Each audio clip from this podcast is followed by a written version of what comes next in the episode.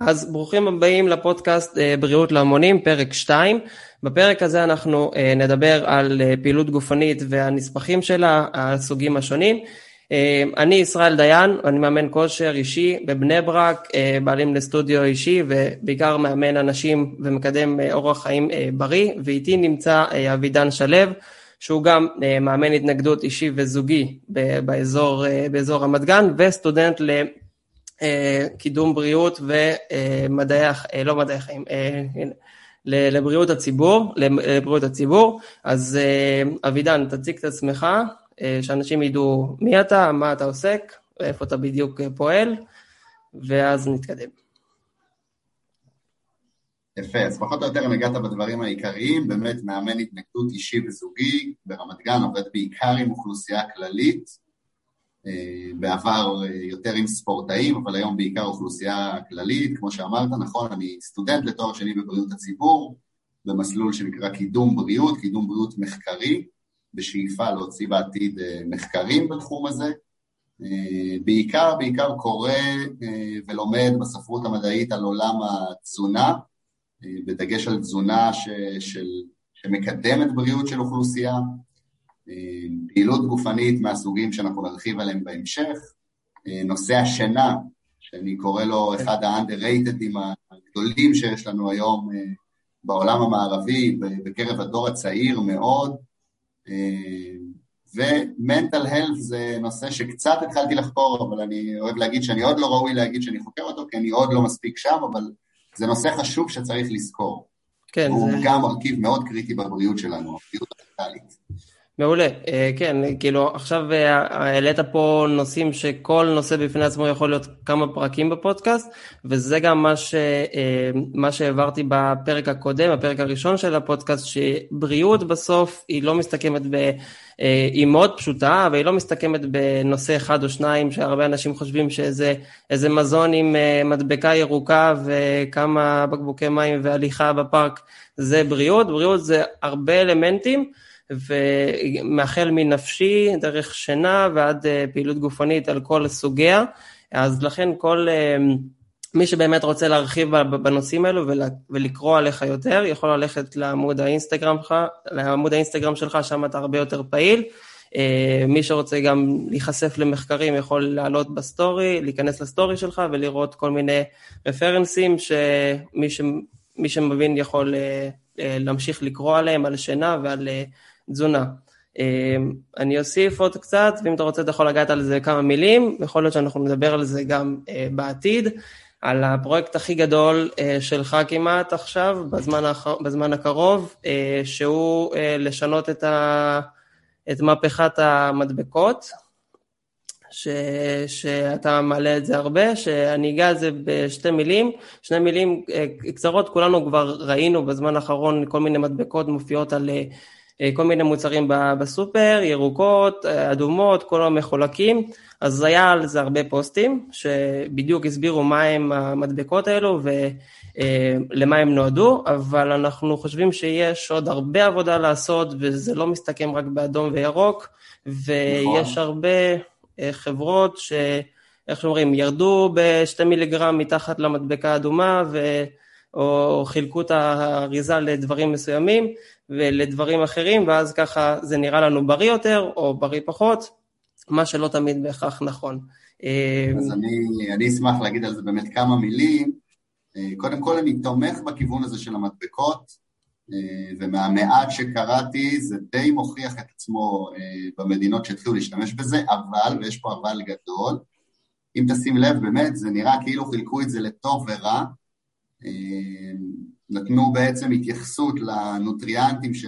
שהם בעצם הנוטריאנטים שיש להגביל במרכאות בצריכתם, כמובן שזה מאוד עניין אינדיבידואלי. כמובן שלדוגמה ספורטאים צריכים לצרוך יותר נטרן מאוכלוסייה כללית, לדוגמה, והנטרן קיבל מדבקה אדומה. ומה שלי מאוד חסר זה שני אלמנטים, אחד זה הנוטריאנטים שיש לעודד צריכתם, אם זה סיבים תזונתיים, אם זה חלבון, אם זה ויטמינים אלו ואחרים, מינרלים אלו ואחרים, משהו שחסר, לא נגיש כל כך, אז זה נישה אחת. זאת אומרת, אם הצגנו את מה שרע במרכאות, לצרוך ממנו הרבה וצריך להגביל באדום, בוא נציג את מה שטוב. לא משנה באמת הצבע, אני ביוזמה שלי שמתי צבע כחול לאבות המזון הגדולים שיש לעודד צריכתם, אם זה חלבון, אם זה סיבים תזונתיים, אם זה שומן בלתי רווי. בנייר עמדה החדש של, שנגע בנושא הקרדיו-וסקולרי במדינה, הדגישו את החד בלתי רווי, לא משנה איזה כבר כן, זה כבר... ניכנס פנימה לפרטים, זה פודקאסט אחר, כן, אבל אז זה נישה אחת באמת, הנוטריאנטים שיש לעודד צריכתם, והנושא השני זה הדחיסות הקלורית, שגם עליו לא יותר מדי נרחיב היום, אבל בעצם בא קצת לחשוף את האמת מאחורי לא מעט מוצרים שיכולים להתיימר כבריאים במרכאות, על אף שהם מאוד דומים לחטיפים אחרים, אפשר לראות את המוצרים האלה היום בסופר פארם. כן, כל האלו ש... כן, אלה שכתובים עליהם פיטנס, ואנחנו, הראש שלנו ישר הולך למילה בריאות, וכמו שאמרתי כבר בפרק הקודם, בריאות זה לא דיכוטומיה, זה לא שחור ולבן, זה לא אסור ומותר, זה הרבה עניינים של מינון, הרבה עניינים של אורח חיים והתאמה אישית. אוקיי, אחרי שדיברנו על זה, ואני בהחלט מקווה שאני בפרקים הבאים כבר אדבר על זה יותר, ואז ככה אנחנו גם נאסוף על זה יותר חומר. אני רוצה להתחיל עם הנושא שכמעט כל מי ש...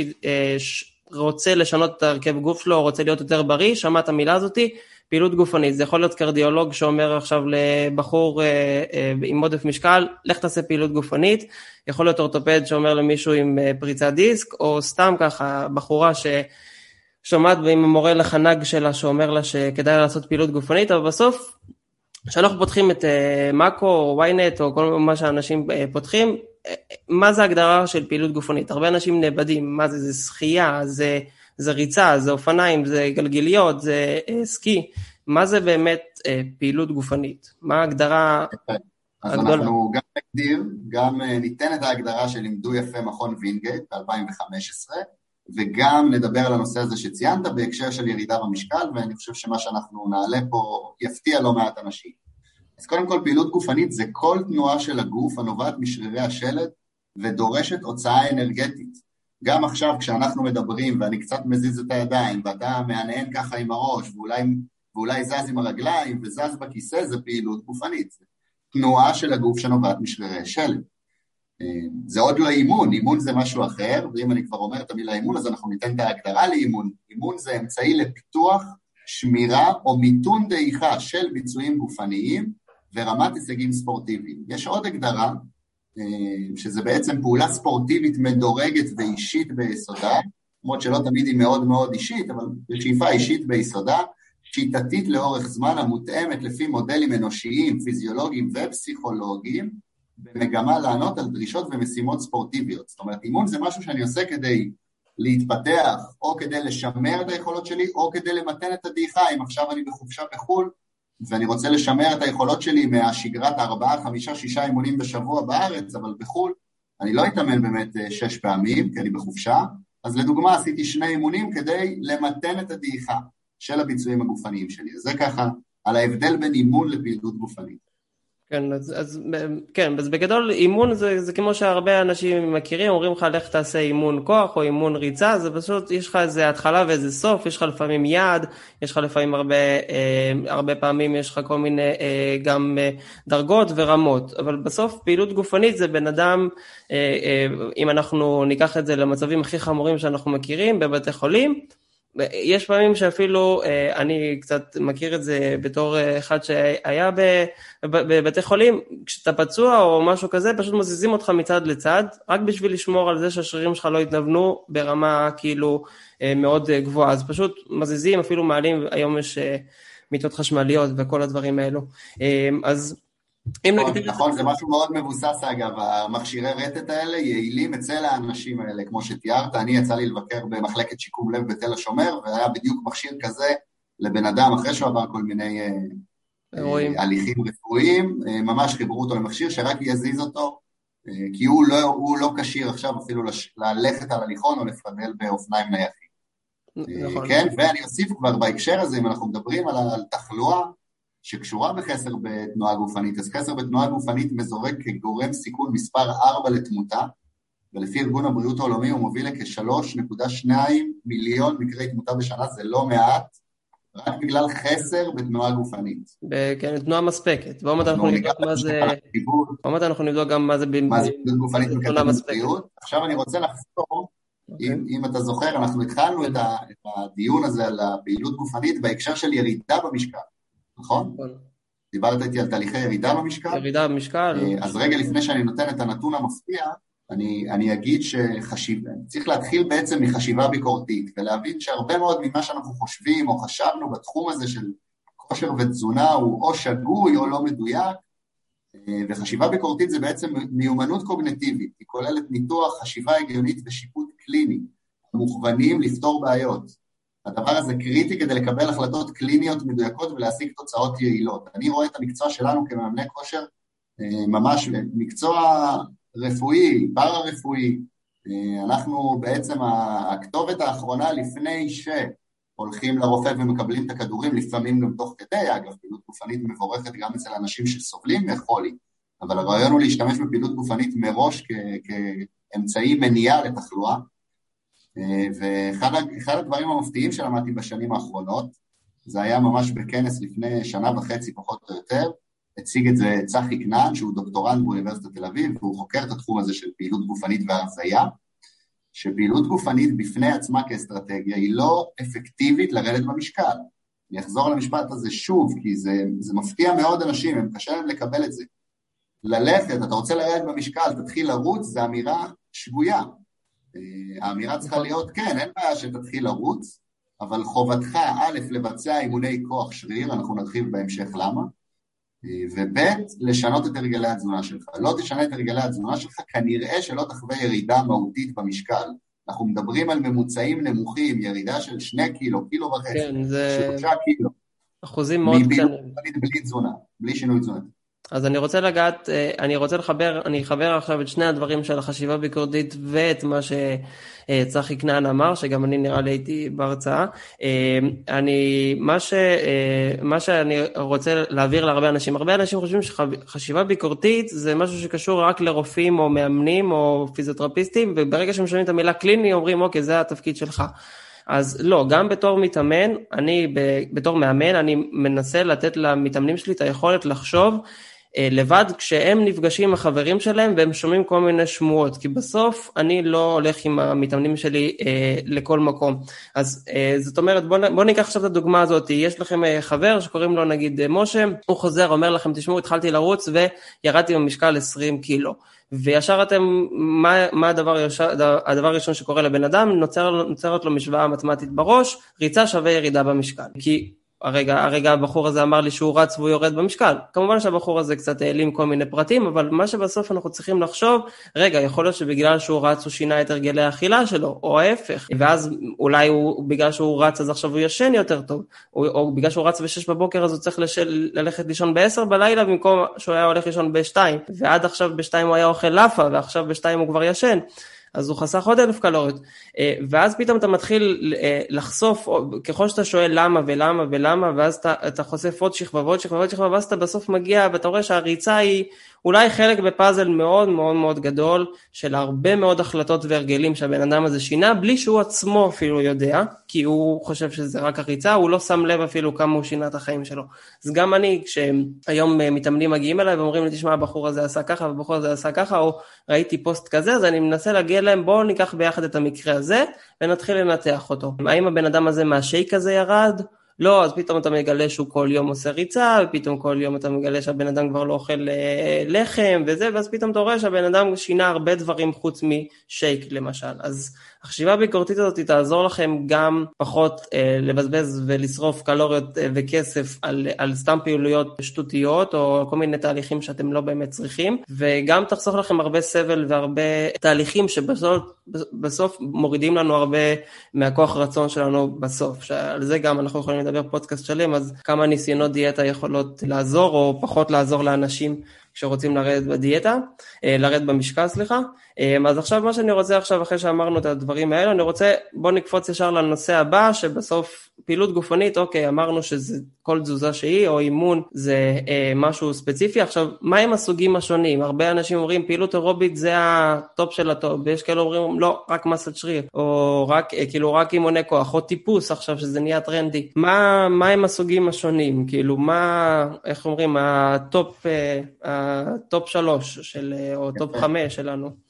אז, אה, אז אנחנו נתמקד בשניים, שהם גם אלו שמומלצים על ידי ארגון הבריאות העולמי, גם בהמלצות של 2010 וגם במעודכנות אה, שפרסמו ב-2020. אנחנו מדברים בעצם על מה שאנשים קוראים אירובי, סבולת לב ריאה, ויש לנו את אימוני כוח השריר. עכשיו, באירובי, אנחנו נדבר רגע על ההמלצה ואז נפשט את זה. באירובי נותנים לנו המלצה כזאת, אומרים לנו, חבר'ה מבוגרים, אתם צריכים לצבור 150 עד 300, זה יוצא שעתיים וחצי עד חמש שעות דקות של אירובי מתון, או 75 עד 150 דקות, זה יוצא שעה ורבע ועד שעתיים וחצי של אירובי עצים, או שילובים אקוויבילנטיים שלהם, שילובים שמשתלבים, כן, נגיד חצי שעה כזה, שעה וכך כזה. כשאני אתן כבר פה איזו אמירה, ב-2010 דיברו על זה שמקטע כזה של פעילות גופנית אירובית צריך להיות לפחות עשר דקות, והיום אומרים אפילו פחות מבורך.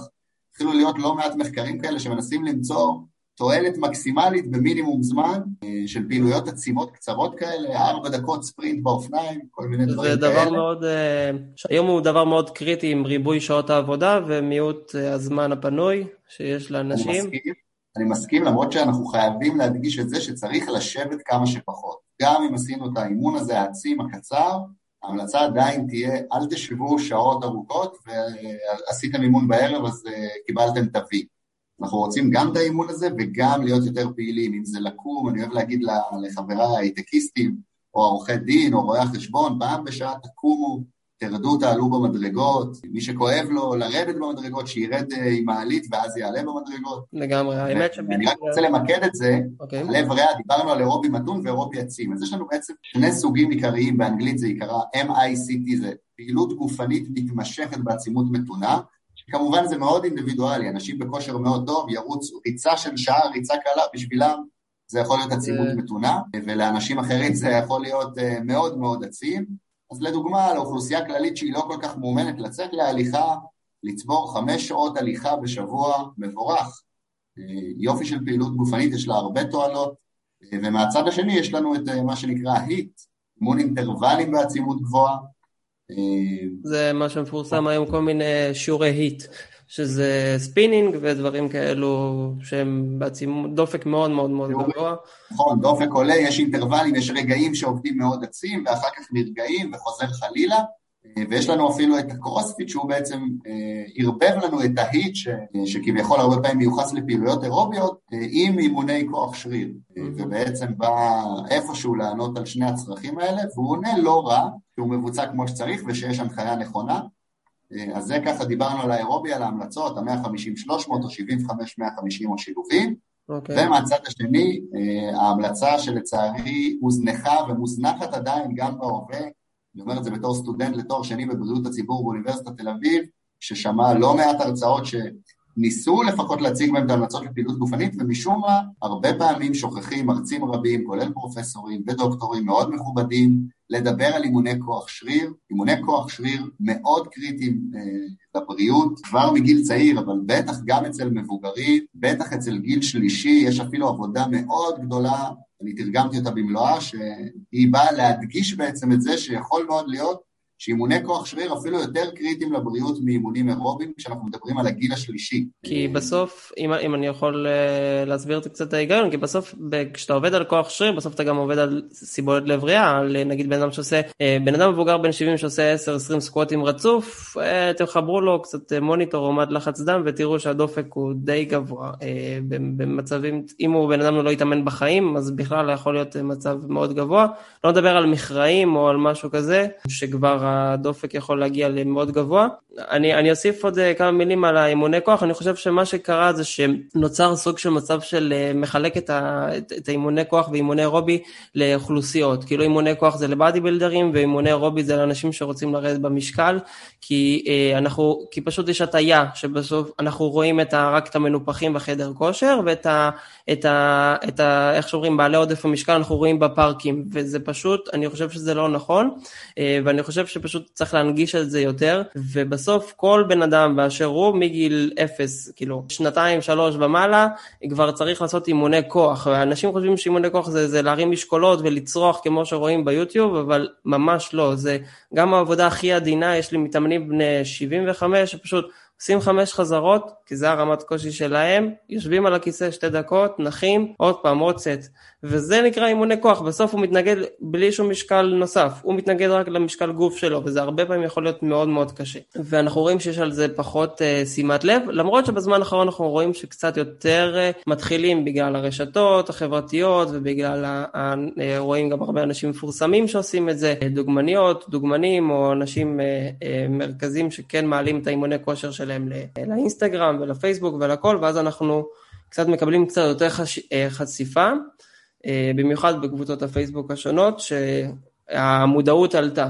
המודעות עולה, אבל עדיין אנחנו, עדיין אנחנו בחסר ובפער, הגדיר את זה יפה איתי ארניר, הוא אמר, מה שמושמט זה המשקולת עצמה.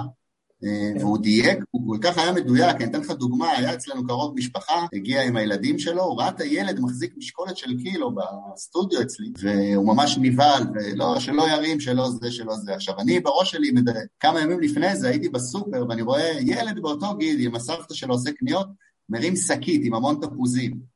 אני בראש שלי, בוא'נה, הוא ילד באותו גיל, הרים משקל הרבה יותר גבוה, אבל בגלל שהצורה היא לא משקולת, אז כן. פתאום זה מתפרש אחרת. או התיק על הגב לבית ספר, זה לא משקולת, אז זה מתפרש אחרת, אבל בסוף אנחנו mm-hmm. מדברים פה על ההמלצה שאומרת, אני אתחיל במבוגרים, אימוני כוח שריר יש לבצע לפחות פעמיים בשבוע לכלל קבוצות השרירים העיקריות, כשמומלץ לבצע תרגילים מורכבים המערבים מספר מפרקים. עכשיו, מורכב לא, לא מלשון מורכב לעומת פשוט קשה להרכיב את הפאזל הזה או שזה פאזל קל, אלא מורכב, מערב דינמית יותר ממפרק אחד.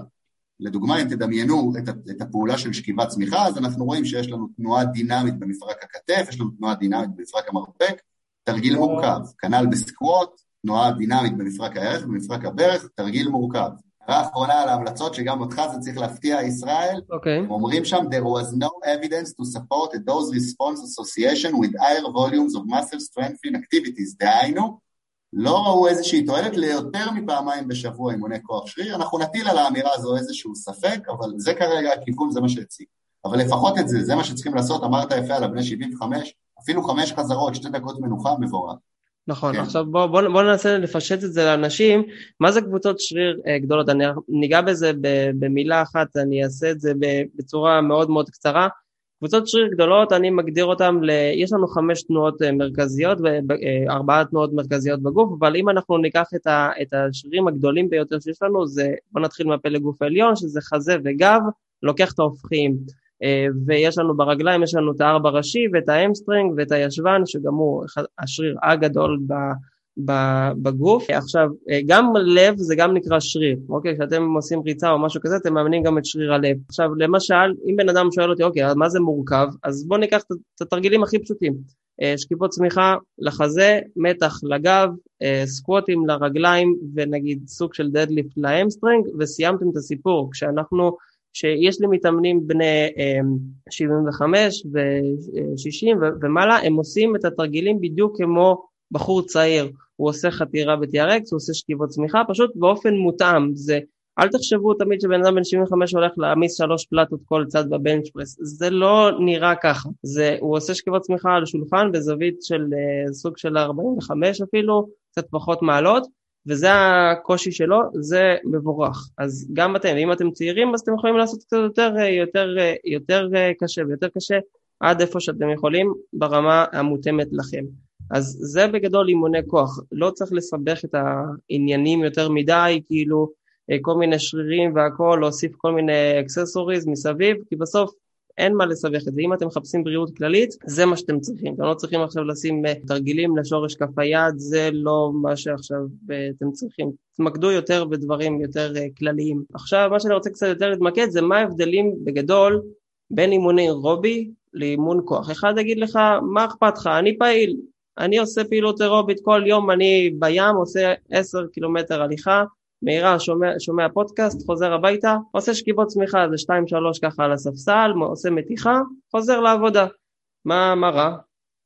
אז מה רע? אז בוא נראה מה הוא פספס פה. אמרת שהוא עשה הליכה ועשה שכיבות צמיחה. אז קודם כל יפה, הוא הרוויח פה לב ריאה בהליכה שלו, והוא הרוויח פה כוח שריר פלג הגוף העליון לקבוצת שרירי החזה, גם קצת היה מעורב הכתפיים, כתף קדמית, יד אחורית, אבל uh, מעבר לזה בעצם הוא פספס המון, הוא פספס פה עבודה על שרירי הגב, הוא פספס פה עבודה שרירית שלדית לרגליים, אנחנו יודעים שהליכה לא, הליכה ואגב גם ריצה לא יובילו לאיזושהי היפרטרופיה בשרירי הרגליים. אפשר להסתכל, מספיק להסתכל על החבר'ה שהם אלופי העולם במרתון, חצאי מרתון, דברים כאלה. חבר'ה מאוד רזים, אין להם אה, שרירי רגליים ענקיים, מנופחים. אה, אני לא באמת יכול להגיד שמצב העצם שלהם רעה, כי כן יש פה איזשהו אפקט של אימפקט אה, על העצם בריצה, אני סבור שאם היו עושים השוואה בין חבר'ה שרצים וחבר'ה שלא עושים כלום, נראה איזושהי תועלת לחבר'ה שרצים, יש פה אימפקט על העצם. אבל אנחנו מאבדים מסת שריר, מסת שריר מאוד חשובה לבריאות האדם, אנחנו רוצים לשמור עליה, והוא מפספס, הוא מפספס לא מעט, וכמו שאמרנו, אנחנו רוצים לעבוד על כל קבוצות השרירים העיקריות, כוח שריר פעמיים בשבוע, זה לא דורש כזה הרבה. אגב, כמו שדיברת קודם, שלושה, ארבעה, חמישה תרגילים, לשניים, שלושה סטים פעמיים בשבוע, עשית את שלך יפה. אז אמ, אני רוצה, אסכם את, את, את הנקודה הזאת, בסוף ההבדלים בין אה, אירובי לכוח, שכוח אנחנו משיגים הרבה כוח שריר, שזה מה שאנחנו חייבים. מסת שריר היום, אני אגיד את זה ככה, אני הרבה פעמים אומר את זה למתאמנים המבוגרים שלי, קילו מסת שריר שווה לך עוד שנות חיים. אני אומר לו, זו המשוואה הפשוטה, צייר לך את זה בראש, תעשה. מסת שריר שווה חיים. זה, זה בדיוק אותו דבר. אז כשבן אדם אומר לי, אני עושה הליכה, זה מעולה, זה טוב, הוא, גם זה יוסיף לו כנראה כמה, עוד, אה, כמה שנות חיים, אבל העוד מסת שריר ברגל, או בארבע ראשי, או מסת שריר בידיים, במיוחד לאנשים מבוגרים, אנחנו יודעים שכוח גריפ מאוד מאוד חשוב, זה, זה לא רק אה, אה, מוסיף חיים, זה פשוט מציל חיים באופן אה, מוחשי. יש לי מתאמן בן 75 שנפל מהמיטה והודות לקצת ידע שיש לו במכרעים וסקווטים הצליח להקים את עצמו, לקח לו כמה דקות ארוכות ואמרתי לו תשמע אם, זה, אם לא היה לך כוח ברגליים זה היה מסתיים הרבה יותר, אה, הרבה יותר גרוע, אנחנו אה, לא ניכנס למחקרים שמראים על שבר באגן וירך ומה הסיכוי למוות ודברים כאלו, אבל בסוף אה, אה, כוח מסת שריר, עכשיו הרבה פעמים ילדים צעירים אומרים לי מה לי ול... אה, אני בכוונה עכשיו נוגע לזה, מה לי ולפעילות גופנית, כאילו מה לי ולכוח, תראה אני יש לי קוביות, יש לי, אני רזה, אני אתלטי, אני רץ ואני הכל. אני אומר להם אוקיי, לא לעולם חוסן, אוקיי, אתם ילדים עכשיו בני 20, 25, אתם באמת נראים נהדר, אתם אוכלים הכל, עושים מה שבא לכם, אבל עוד מעט יגיע חיי הנישואין, חיי העבודה, אה, השעות, הילדים, ואז פתאום הגב ייזכר, יזכיר לכם את הקיום שלו, ואז העומס, החיים עצמם, פתאום הגוף יתחיל לחרוק, ולפעמים אז זה כבר נהיה קשה מדי לשנות את ההרגלים. אז לכן, הרבה פעמים חבר'ה צעירים, מוט מתח בבית וכמה משקולות, מסדרים לכם את הצורה יופי. יש אנשים בקורונה שהתארגנו על כמה משקולות וזה הציל להם את החיים, אה, ממש, פשוטו כמשמעו, הציל להם את החיים וגם את המשקל והכל, וגם את הפסיכולוגיה. אה, מסכים. אצל, אצל הילדים האלה, אגב, החבר'ה האלה, בני 15, 20, 25, הם לא יודעים, אבל חשוב שהם ידעו, והורים שישמעו את הפודקאסט הזה. אנחנו בונים את העצם שלנו עד אזור גיל 25, 30, 35, איפשהו שם אנחנו נגיע לשיא. אם לא עשינו אימוני כוח שריר, לא אכלנו כמו שצריך, לא ישנו כמו שצריך, לא, לא מימשנו את הפוטנציאל בנייה, ומאותו רגע ועד סוף החיים אנחנו נפרק את העצם שלנו יותר מאשר נבנה אותה, ומתחילה דעיכה בעצם, ממש מהגיל הזה, זה, זה גם משהו שמאוד הפתיע אותי שלמדתי אותו ב-2015 בקורס מדריכי כושר, אבל זה, זה עוד סיבה למה כל כך חשוב לעשות את האימונים האלה. למה כל כך חשוב ליצור התנגדות לשרירים כבר בגילאים צעירים, כי זה יחד עם תזונה ושינה יוביל אותנו בעצם לממש את, את פוטנציאל בניית העצם שלנו, שהיא סופר קריטית, איך בשלבים המאוד מאוד אה, מתקדמים של החיים, וכמו אצל החבוב הזה אצלך שנפל, מהמיטה, זה מאוד קריטי שהעצם שלו תהיה דחוסה וחזקה ושיהיה לו שרירים עוטפים, מגנים, כן, זה... ויכולת גם, יכולת להגיב תנועתי. אז אחרי שכבר הבנו את החשיבות, זה קריטי, אוקיי, עכשיו בן אדם אומר, תשמע, בוא, אין לי, אין לי זמן, אוקיי, שמעתי את הפודקאסט בזמן ההליכה, החלטתי שאני רוצה לקחת את עצמי בידיים, גם אם עכשיו אני לוקח מאמן כושר שיעשה לי אימון של סופר סטים והכל, גג אני מצליח לדחוף אימון אחד בשבוע, יש לי מתאמנים כאלו סופר סופר עמוסים, בקושי אימון אחד בשבוע הם יכולים, אמ, אז מה אני בסוף עושה? אמרת לי עכשיו, זרקת לי מספרים של 200 דקות, 300 דקות, 75 אה, דקות, כל המספרים האלו עוברים לי ליד האוזן, לא יקרה. יש לי שעה אימון, ובוא, גם שעה עם מאמן זה לא באמת 60 דקות טהור טהור, זה אה, במצטבר 35 דקות, 40 דקות גג של אימון בעצימות, אם אנחנו קוראים לזה עצימות קצת גבוהה, אז בוא נגיד אה, רמה של 5-8 מ-1 עד 10, אז מה, אז שווה לי בכלל? שווה לי בכלל ללכת למאמן בשביל זה? לא רק ששווה, שווה בטירוף. אנחנו רואים שהתועלת של קצת פעילות גופנית, ואמרת אימון אחד, אפילו אימון התנגדות אחד בשבוע, אימון כוח של אחד בשבוע, מפחית לנו משמעותית. עוד פעם, זה בהסתכלות על אוכלוסייה, כן? כשאנחנו מסתכלים על האוכלוסייה, אנחנו רואים שאימון התנגדות אחד בשבוע זה שמיים וארץ הבדל לעומת לא לעשות כלום. אה, מאוד קריטי להפחית סיכון לתמותה מכל סיבה שהיא, אגב, לא רק מחלות לב וכלי דם, ושאר הגורמים, וכן, פעילות גופנית גם פעם בשבוע עדיפה על כלום. כן, עדיף לעשות שתיים, שלוש, ארבע, חמש פעמים בשבוע, וזה זמן טוב להגיד, אם אנחנו מדברים על מינון תגובה, כמה פעילות גופנית ומה התועלת הבריאותית, להגיד שיש איזושהי נקודה שממנה עוד פעילות גופנית כבר לא כנראה לא תטיב לנו בהקשר הבריאותי, ואני אוהב לתת דוגמה אצל ספורטאים תחרותיים ולהגיד חבר'ה, ספורט תחרותי, כמובן שזה עדיף מלהיות באורח חיים יושבני ולא פעיל, אבל זה לא קו הבריאות, זה חשוב להגיד את זה. להיות ספורטאי שמתאמן 10, 15, 20 שעות בשבוע, אה, ממש לא מזמן פורסמה עבודה חדשה שפעילות גופנית אה, מוגזמת, אני אקרא לזה מופרזת, מקושרת באופן שלילי אה, לבריאות או תפקוד מיטוכונדריה או משהו כזה, הציגו. ויש עוד כל מיני מחקרים בנושא הזה, אנחנו לא נרחיב עליהם היום ולא נתעמק, אבל אבל... האמת היא איפשהו באמצע, איפשהו באמצע בתדירות, ואני חושב שכל בן אדם יכול לכוון להגיע לזה. בוא נגיד... ואם בן אדם אומר אין לי זמן, שיתחיל בפעם בשבוע. כן, בוא נגיד שהבעיה של, בוא נגיד ש-95% מאוכלוסיית העולם היא לא עודף אה, פעילות גופנית, אלא חוסר כרוני עד אה. מסוכן של אה, פעילות גופנית. אני יכול, להג...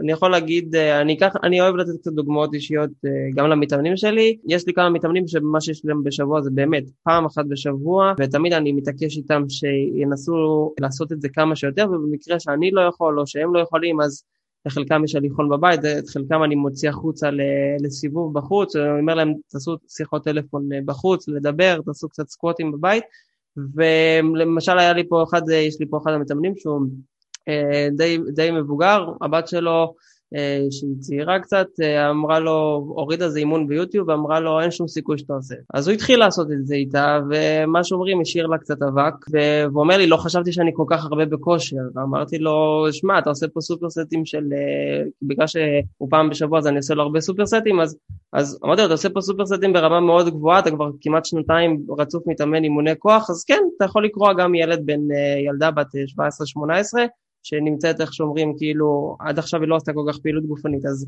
צריך להבין שבסוף אנשים חושבים שזה כאילו נעלם כאילו בגלל שיש מרחקים מאוד גדולים בין האימונים אז הוא אומר מה ביום שישי אני עושה איזה אימון קטן אז מה זה באמת השריר שלי זוכר? כן הוא זוכר והוא, והוא מתפתח והוא עושה אדפטציות והוא מסתגל לאימונים והוא מתקדם וברגע שאתם תאכלו אתם גם תשימו לב שאתם פתאום מוסיפים עוד קצת ועוד קצת ועוד קצת בלי שאתם אפילו שמים לב לזה. עכשיו, אני רוצה לגעת קצת אה, ב, בהקשר של זה, זה למה אנשים לא מקפידים על ההמלצות. הרי בואו, כולנו יודעים, הנה, כל מי שעכשיו שומע את זה, בהנחה שהוא לא עושה פעילות כושר, מקשיב עכשיו להמלצות ושמע את ההמלצות האלו באיזשהו פודקאסט, באיזשהו אה, כתבת אה, טלוויזיה שאמרה שחייבים לעשות פעילות גופנית שלוש-ארבע פעמים בשבוע, ריצה או אימוני כושר. למה בן אדם בסוף לא מקפיד על ההמלצות? אוקיי, בסוף למה, למה הרבה אנשים אתה חושב שגם אני רוצה לשמוע את הדעה שלך, לי יש גם אני חושב משהו על זה, למה אנשים בסוף לא עושים את זה? כאילו בסוף כפי שאנחנו רואים זה מאוד קל, זה כמה סטים של תרגילים שאפשר ללמוד ביוטיוב ברמה של כמה דקות. אז נתחיל עם הנתון העצוב, פחות או יותר, אני זוכר אותו בגסות, באמת אנשים נרשמים לחדר כושר ו-80% מהם כנראה אחרי שנה כבר לא יהיו שם. אני חושב שהמילה הכי גדולה והכי חזקה, כי יש, יוצא, יש יוצאים מן הכלל שבאמת לבד ואפילו בלי מאמן עושים ומתמידים ועושים כן. לא רע, לא בהכרח אופטימלי, אבל עושים לא רע. המילה שאני אה, אוהב לבחור זה מסגרת. בן אדם שאין לו מסגרת, הוא, הוא לא מתמיד. זה נכון בפעילות גופנית וזה נכון בהרבה דברים. עכשיו, המסגרת, אנשים טועים, הם חושבים ישר מסגרת, זה לא חייב להיות מאמן אישי שאני בא אליו פעמיים בשבוע, זה יכול להיות אימוני קבוצה, זה יכול להיות קבוצת וואטסאפ עם חברים, אם זה בעולם של התזונה, זה יכול להיות דיאטנית שמלווה אותי בפגישות שבועיות או חודשיות או פעם בשלושה חודשים. זאת אומרת, מסגרת זה כותרת כללית שבפנים זה עולם ומלואו, זה המון אפור, אבל אנשים צריכים את המסגרת. אני אוהב להגיד, יש לי מתאמני אונליין שבאמת מקצועית הם כבר ברמה מאוד גבוהה, אפילו לנהל את העומסים, הם כבר יודעים ומכירים דילו, ויודעים מאוד להקשיב לגוף שלהם, אה, אבל הם עדיין ממשיכים להתאמן אצלי. למה? בשביל המוטיבציה, בשביל המסגרת. אה, שמנסים איזה חודש, חודשיים בלעדיי, פתאום הם רואים שהם פחות מתמידים, פחות עושים. זה אנושי לגמרי. אה, צריך להוסיף את המילה מילה שנייה למסגרת, מסגרת מחייבת. כי כולנו מכירים את אלו ש... קנו, אה, קנו תוכנית אימונים פה וקנו מנוי במשהו כזה באיזה כושר להמונים, אנחנו הפודקאסט זה בריאות להמונים, אבל אה, כושר להמונים זה כאילו, אנשים אומרים אוקיי נרשמתי לאיזה קורס, נרשמתי לאיזה עשר אימונים אצל, אצל חברה מסוימת ואני לא מצליח להתמיד, כי בסוף אתה עוד שם במערכת, אז בוא נראה מה, נגיד מה קרה בזום, שהרבה אנשים איך שאומרים היו על הספות ואנשים התחייבו נגיד לקבוצות זום. ברגע שיש לך זום בשעה שבע בערב, ביום שני, אז אנשים התחברו, אמרו מקסימום נפתח את המצלמה, אני אסגור את המצלמה, אני אסגור את המצלמה, אם יהיה לי בא לי אני אעשה קצת סקווטים, ובסוף פתאום אתה רואה שאנשים התחילו להתקדם ולהתקדם, כי יש קבוצות וואטסאפ ואנשים מעלים סטורי ואשטגים וכל הדברים האלו, מה שאפשר להגיד היום שיש לזה קצת צד חיובי לרשתות החברתיות, זה שהרבה אנשים נחשפים לכושר דרך הרשתות החברתיות, כאילו כמה בהם, אתה גולל את האינסטגרם ובסוף אתה נופל על איזה מאמנת, מאמן, ואז אתה מתחיל לראות ויש קצת אשטגים, אה, ואז אתה מתחיל להירשם או לעשות כל מיני תרגילים מעמוד האינסטגרם ואז אתה מתחיל להיכנס לזה שזה גם אה, דבר מאוד, מאוד חיובי. אני אוסיף בגישה של המסגרת, אני חושב שגם הגישת הכל או כלום. אני הרבה פעמים אה, מדבר עם אנשים שאין להם גישה לחדר כושר, או שאין להם גישה ל...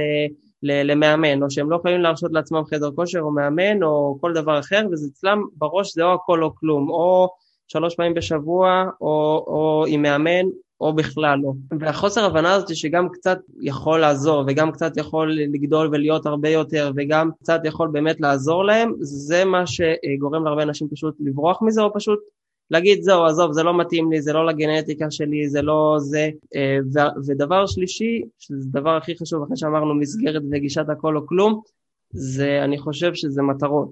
אוקיי? ברגע שבן אדם נכנס לעולם הכושר והוא חושב שמכמה דקות אה, של ריצה וסקווטים הבן אדם יראה כמו אה, אני אזכיר שמות נגיד כמו לא יודע רונלדו או דה רוק או אנשים אה, כאילו אתלטים ברמות עולמיות ואחד למיליארד, זה צריך, צריך לעשות תיאום ציפיות עם עצמך או עם מאמן ולהבין שבריא אתה תהיה, כן אתה תהיה בריא, אתה יהיה לך פחות מחלות, פחות, פחות מחלות, מחלות לב וכלידה ופחות דברים, אבל בוא נגיד שלא, ככל הנראה לא תראה כמו אה, אה, ספורטאי על שמשקיע בזה 24/7. אה, וזה קשה, כי הרבה פעמים מגיעים אליי מתאמנים ו- וכאילו אומרים לי, שמע, תשמע, אם האימון הזה לא עושה אותי ככה, אז אני לא עושה כלום.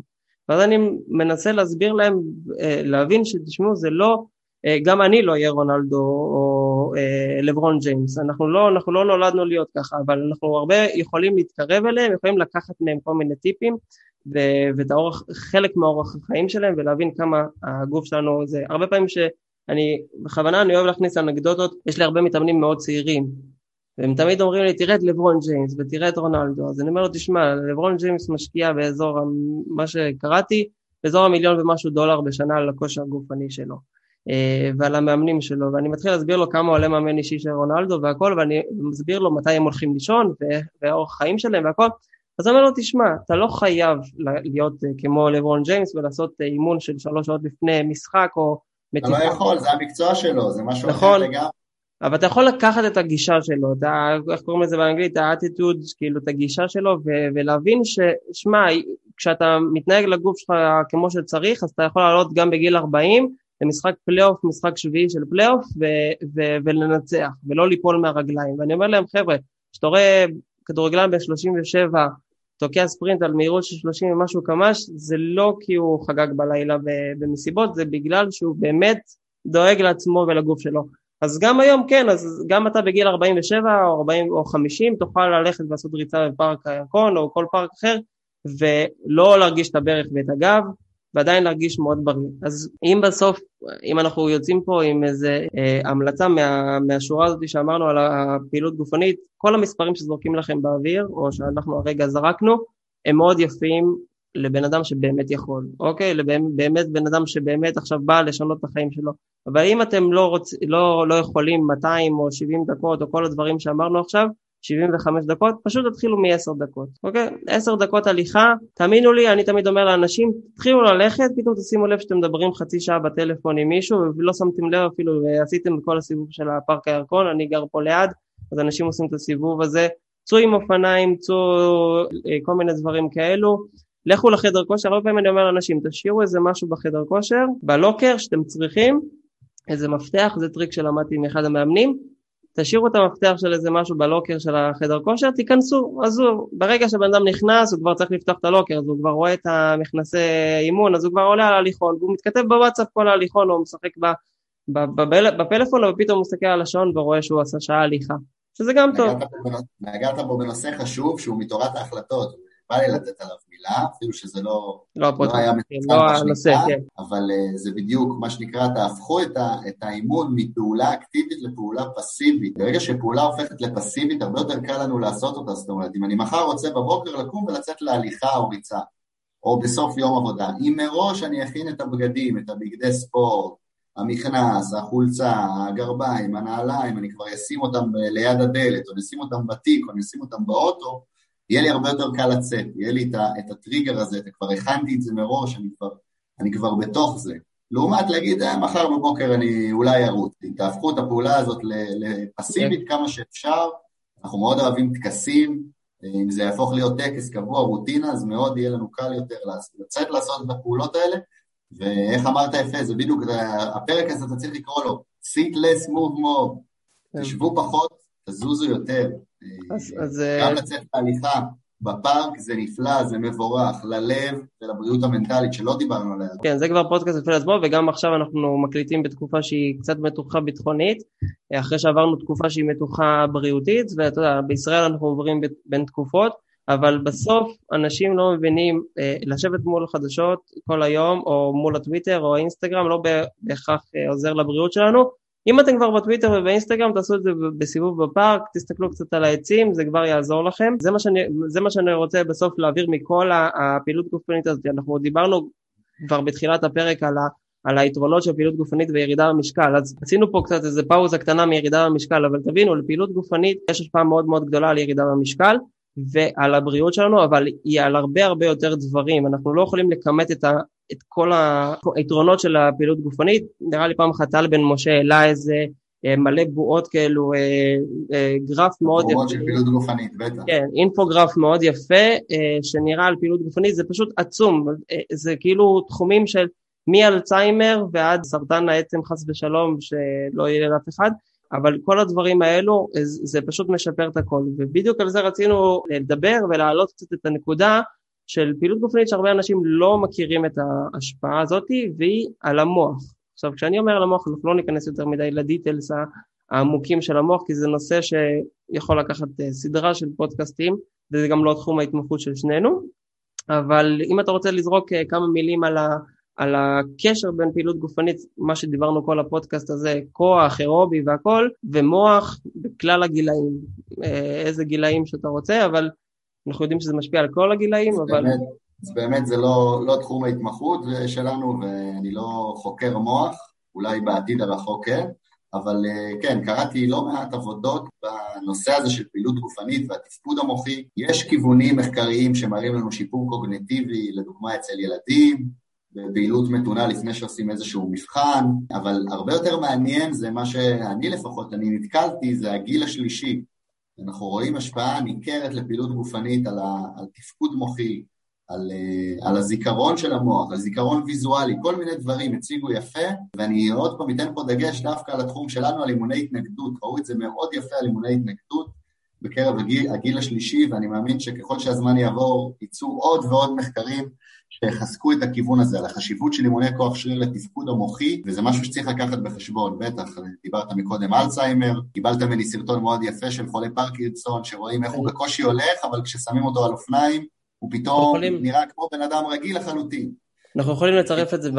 אני אצרף את זה בתחתית של הכישורים של הפודקאסט, אני גם אצרף עוד, מעט, אה, עוד כמה כישורים שאנחנו רוצים אה, לשים לב אליהם. אני, אני אגיד שזה לא, אני לא חקרתי את הנושא עד הסוף, אבל אני, כשהייתי באקדמיה אז עשיתי עבודה סמינריונית קטנה על הפרעות קשב אצל סטודנטים ופעילות גופנית, אז אני יכול לצרף את הניסיון האישי שלי ואת מה שאני למדתי שם.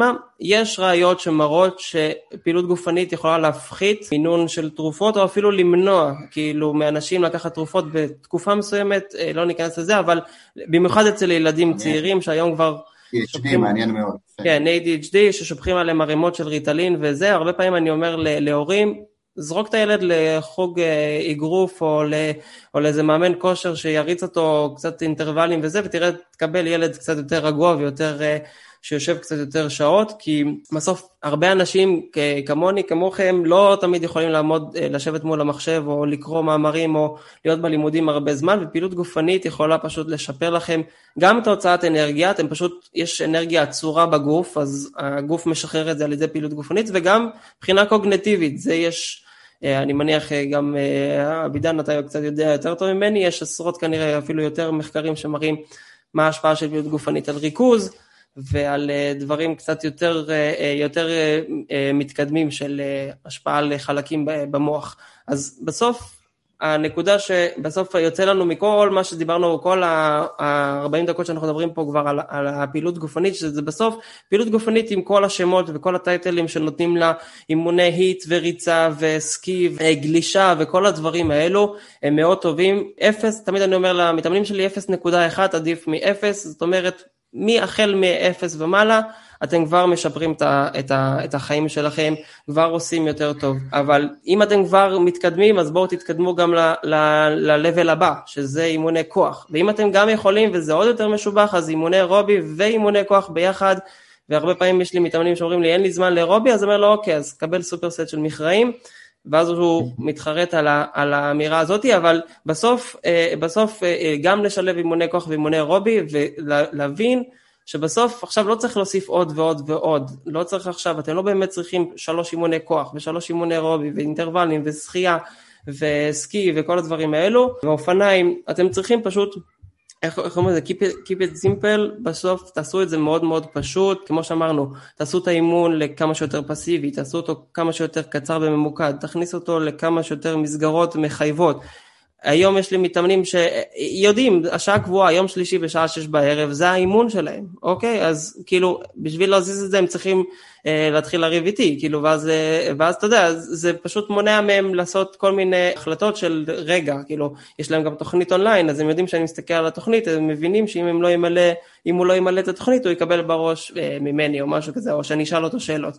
אז ככה זה הופך את זה ליותר ויותר קל. אז אה, בסוף, המסר שלי אה, לכולם, אל תסבכו את זה, למרות שזה נראה מסובך, בסוף פעילות גופנית היא מאוד מאוד קלה ליישום, כשעושים אותה נכון, והיא לא מאוד מאוד מסובכת, והיתרונות שלה הם בלתי, כאילו אי אפשר אפילו עכשיו, גם אם עכשיו הייתי מתחיל לקרוא רשימות, לא הייתי כנראה מסיים את זה בעשר דקות הקרובות, של כמה יתרונות יש לפעילות גופנית, על כמעט כל תחום בחיים שלנו ובגוף שלנו. אז אה, אתה רוצה להגיד גם כמה עוד אה, שתי מילים, שתי מילות כן, סיכום? אני, אני רוצה את נושא אחד קטן שלא נפספס, כי אנחנו התחלנו עם הנושא הזה של ירידה במשקל ופעילות כן. גופנית, וחשוב מאוד שבפודקאסט הזה אנחנו נדגיש את החשיבות של אימוני התנגדות, אימוני כוח שריר בתהליכי ירידה במשקל. יש פה עבודה יפה שפורסמה ב-2020, נקראה איך דיאטה הופכת חלק מהאנשים לשמנים יותר. זמן טוב להגיד שדיאטה באופן כללי זה אורח חיים, ולא תהליך כן. ירידה במשקל. תהליך הירידה במשקל, אנחנו נקרא לו דיאטת גירעון קלורי, אבל זה לא הנושא של היום. נכון. אה, מה כן הנושא של היום, שרוצים לתת עליו איזה מילה אחרונה, למה כל כך חשוב לעשות אימוני התנגדות בתהליך ירידה במשקל? כי וזה מתקשר לעבודה הזאת, אנחנו רואים שיש לא מעט אנשים שיעשו דיאטה, ילכו נגיד לדיאטן, לא משנה, יאכלו לפי תפריט, אולי גם יעשו ריצות והליכות, ירדו במשקל 8-10 קילוגרם, אחרי חצי שנה, שנה, הם יעלו את זה חזרה, וחלקם לא רק יעלו חזרה, הם יעלו גם כמה קילוגרמים אקסטרה. ואחת ההשערות ללמה זה קורה, וזה שאספו אנליזות ממחקרי עבר ראו, כשאנחנו יורדים במשקל אנחנו מאבדים שומן, אבל אנחנו גם מאבדים לא מעט מסה רזה. כן. מסה רזה זה בעצם כל מה שיש לנו בגוף שהוא לא שומן, כשהדגש הוא על שריר, אה, על שלד וגם נוזלים. קורה זה, אנחנו, כשאנחנו מתחילים לעלות במשקל בחזרה אחרי שירדנו, ולא עשינו אימוני כוח שריר, אז אנחנו נעלה בקצב כזה שאנחנו נעלה יותר שומן ממסה רזה. ועד ש... ובעצם הגוף כנראה אולי שואף להחזיר את המסה הרזה שהוא איבד בתהליך הירידה במשקל, מה שגורם לנו לעלות לנקודת משקל גבוהה יותר מזו שהתחלנו את התהליך. מי שיעשה אימוני כוח שריר, יצרוך, יצרוך מספיק חלבון, יוכל לשמר את המסה הרזה שלו, ולפי המודל הזה כנראה יעלה את הסיכויים שלו לשמר את המשקל החדש, או לפחות לא לעלות בחזרה עד המשקל הקודם ואפילו מעליו, ובשטח אנחנו רואים את זה מאוד יפה. מאוד כן. מאוד יפה. ואגב, אה, קודם כל זה כבר אה, פודקאסט שיכול אה, להיות, להיות בעתיד על אדפטציות ועל ירידה במשקל ומה קורה אחרי התמונה הזאת שכולם, התמונה המפורסמת שכולם אוהבים לראות את הלפני ואחרי. צריך להיות לפני תוך כדי. כן, לפני תוך כדי, כי תכלס מבחינתנו כמאמנים ואנשי מדע ובריאות אין אחרי, אתה נשאר כל החיים בדברים אה, האלו, אבל אם אנחנו נזרוק את כל הירידה במשקל הזאת גם לתוך מה שדיברנו עכשיו על פעילות גופנית ועל המסגרות, בסוף כל, כל בן אדם שמגיע לעשות פעילות גופנית יהיה המטרה שלו אה, אשר תהיה, הוא יכול להרוויח מהמסגרת הזאת עוד הרבה דברים. כל אלו שאומרים מה, אבל אם אני, אמרו לי 95% מהדיאטות נכשלות, אני לא אכנס למספר הזה אם ה-95 הזה זה נכון, אה, נכון או לא, אבל אה, הרבה מהם נכשלים לא בגלל שדיאטות נכשלות, אלא בגלל ש, שהמסגרות לא היו, אוקיי? או לא היו קיימות, אז זה לא בן אדם זה לא, לא השיטה נכשלה. לא היו נכונות, לא כללו אימוני כוח שריר. ולא היה אימונים, וברגע שאתה, שבן אדם גם מתאמן, הוא גם נהיה יותר, אה, נהיה יותר חזק, הוא יכול לסחוב אותו יותר הרבה, הוא רואה את הפידבק ממש, בוא נגיד חבר'ה, מי שמתאמן, תוך חודש הוא רואה את התוצאות, איך שאומרים, בחוש, זאת אומרת, פתאום הולך, כאבים נעלמים, אה, גוף מתחיל להתמצק אפילו תוך כמה חודשים, פתאום רואים שרירים בכל מיני מקומות, וזה נותן לנו מוטיבציה, ועל זה גם אפשר לדבר הרבה, אבל נותן לנו מוטיבציה להתקדם עוד ועוד ועוד ועוד, עד אין סוף, כאילו בן אדם מתמכר או איך אומרים נכנס לתוך תהליך של ירידה במשקל וממשיך לשמור על המשקל הרבה הרבה הרבה שנים כשהוא מלווה עם אימוני כוח. יש אה, מלא סקירות יפות שמראות לאנשים ששמרו על המשקל שלהם אחרי 10 ו-15 שנה ואפילו יותר, שזה קצת יותר נדיר, אבל שאלונים שיראו שהבן אדם כתב, פשוט רובם מילאו פעילות, פעילות התנגדות כלשהי, החל מגומיות ועד אה, אימוני כוח פעמיים בשבוע, כמעט אה, 90% ממה שאני זוכר זה היה, היה אחד מהדברים האלו. אז בסוף, גם אם אתם רוצים לרדת במשקל, אם אתם רוצים להתחתב, אם אתם, תקראו לזה איך שאתם רוצים, אתם רוצים לגדול, אתם רוצים קוביות, כל אחד במטרה שלו, רוצים להיות יותר מהירים, אימוני כושר, סקווטים, דדליפטים, זה הדברים שיעשו אתכם הרבה יותר מהירים, הרבה יותר אה, בנויים והרבה יותר חזקים ובסוף עם הרבה יותר חיים, כאילו, בסוף אתם תחיו...